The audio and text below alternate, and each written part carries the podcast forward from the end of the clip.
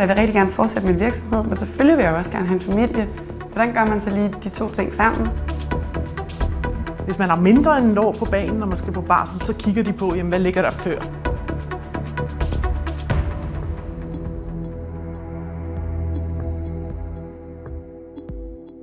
At være selvstændig eller iværksætter kan være forbundet med en ret stor økonomisk usikkerhed.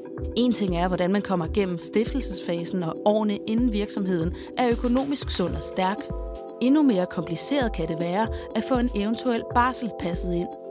For lad det bare være sagt med det samme. Barsel for selvstændige er langhåret.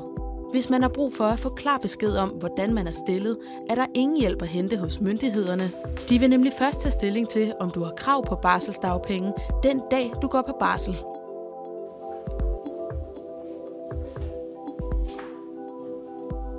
Frederikke Antoni Schmidt er stifter og ejer af skofirmaet Rockamore.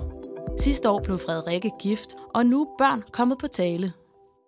Alle andre piger vil nok blive rigtig lang tid i den der følelse af, sådan, åh, oh, jeg er lige blevet gift, det er fantastisk. Men for mig, der startede det bare en helt ny dialog, en helt ny, det åbnede en helt ny verden af dilemmaer, som jeg ikke havde tænkt over før. Frederikkes virksomhed er stadig ny og relativt lille, og det kan derfor være svært for hende at gennemskue, hvordan en eventuel barsel vil kunne lade sig gøre. Jeg vil rigtig gerne være iværksætter, jeg vil rigtig gerne fortsætte min virksomhed, men selvfølgelig vil jeg også gerne have en familie.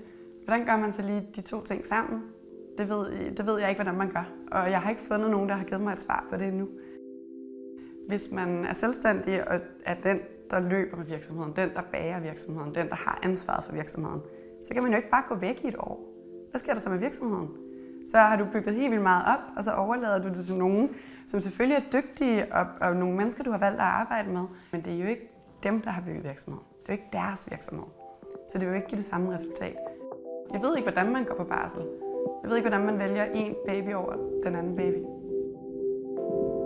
Kirstine Balotti er ansat i HK og har blandt andet rådgivning af selvstændige og iværksættere som arbejdsområde.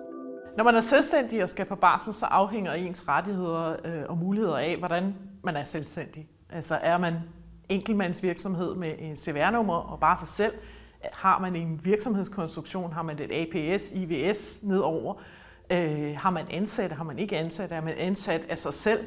De ting vil jeg spørge ind til først, hvis jeg skal afklare om personen, øh, hvordan man er stillet i forhold til barsel.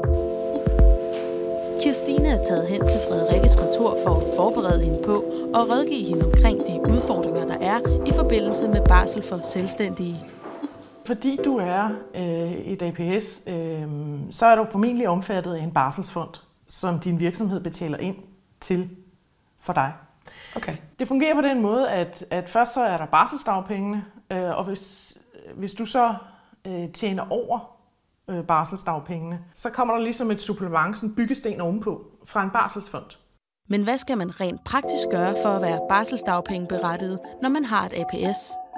Hvis man som selvstændig har valgt at have en selskabskonstruktion, for eksempel et IVS eller et APS, og, og ligesom har ansat sig selv i firmaet, jamen så bliver man i forhold til barsel betragtet som lønmodtager. Så der skal man jo lave en kontrakt med firmaet.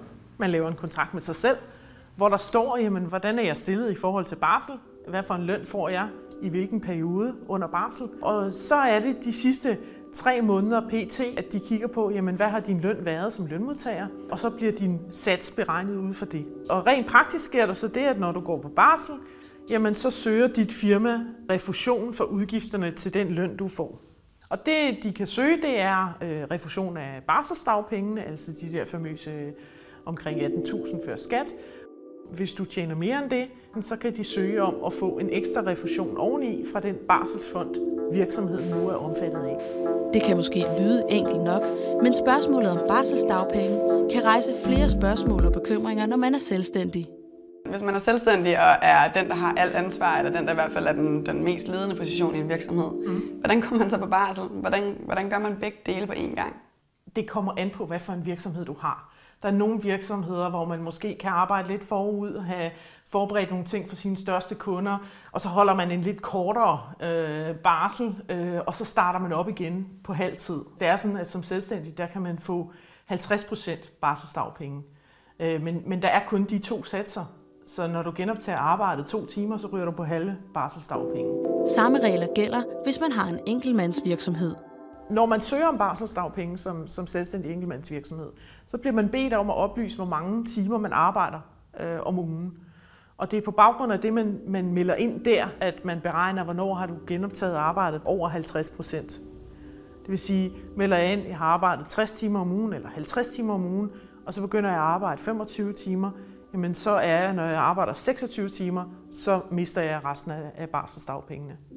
Har du en enkeltmandsvirksomhed, afhænger størrelsen af barselsdagpenge af dit overskud i virksomheden.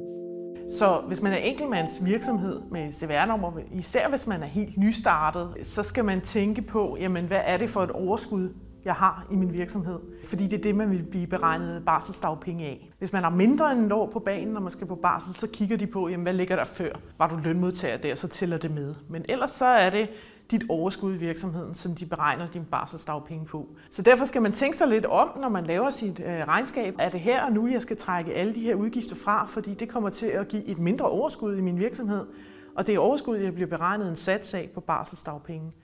Øhm, så det skal man lige have, have med i baghovedet. Jeg synes, det giver en ro at vide, at, at der er barselsdagpenge. Men jeg synes, det er svært at forholde sig til, at det er så firkantet. At man ikke på nogen måde kan få lov at træde langsomt tilbage ind i sin egen virksomhed, eller at man kan have styr på, hvad der foregår i virksomheden, mens man er på barsel ved at møde ind et par timer om ugen. Nyopstartede enkeltmandsvirksomheder har jo sjældent et særligt stort overskud, og det kan give problemer i forhold til barsel. Men der er et trick, hvis man står i den situation. Når man er selvstændig enkeltmandsvirksomhed, så er der også øh, en god ting i den øh, sygeforsikring, man kan tegne som selvstændig via det offentlige. Det er egentlig en forsikring, der bare sikrer dig ret til sygedagpenge de første 14 dage sygdom, som du ellers selv skal betale som selvstændig. Men der ligger i den forsikring samtidig, at øh, hvis man har tegnet den, så er man sikret mindst to tredjedele barselsdagpenge, uanset om man så ikke har det overskud, der egentlig skulle til for at, at give den sats. Det vil sige, at man helt nystartet og samtidig overvejer at få børn, så vil jeg altid anbefale, at man tegner den, fordi så har man i hvert fald to tredjedele barselsdagpenge, hvis man bliver hurtigt gravid, og man har en meget nystartet virksomhed, der simpelthen ikke genererer nok overskud endnu. Man kan sige, at hvis man er syg bare en uge om året, så har den tjent sig hjem i, i præmie, så, så øh, det kan være en god idé under alle omstændigheder. Le Gammeltoft er iværksætter med flere forskellige virksomhedskonstruktioner under sig, så da hun ventede sit andet barn, var det svært at tilrettelægge, hvordan en barsel skulle se ud. Det der med barsel og livet som iværksætter, det er jo ikke altid lige nemt. Det næste bekymring, det er jo så sådan, hvordan man vender tilbage på arbejde. Når man ikke har tænkt sig at være på barsel i, i et års tid, som jeg selvfølgelig ikke kan, fordi jeg skal tilbage til min virksomhed. Øhm, og hende her, jeg kan ikke lige få en, en vuggestueplads til hende lige nu her. Hun er også for lille til det.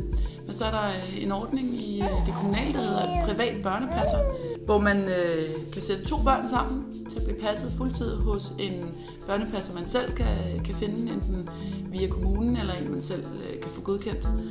Og øh, så betaler man samme tak, som man betaler til en vuggestue, og så lægger kommunen nogle, nogle midler oveni, så man kan lave en fuldtidsansættelse og få, øh, få barnet passet, måske lidt tidligere, end der er plads i, øh, i øh, institutionen. Så øh, du skal snart passes, lille ven, så jeg kan komme tilbage på arbejde.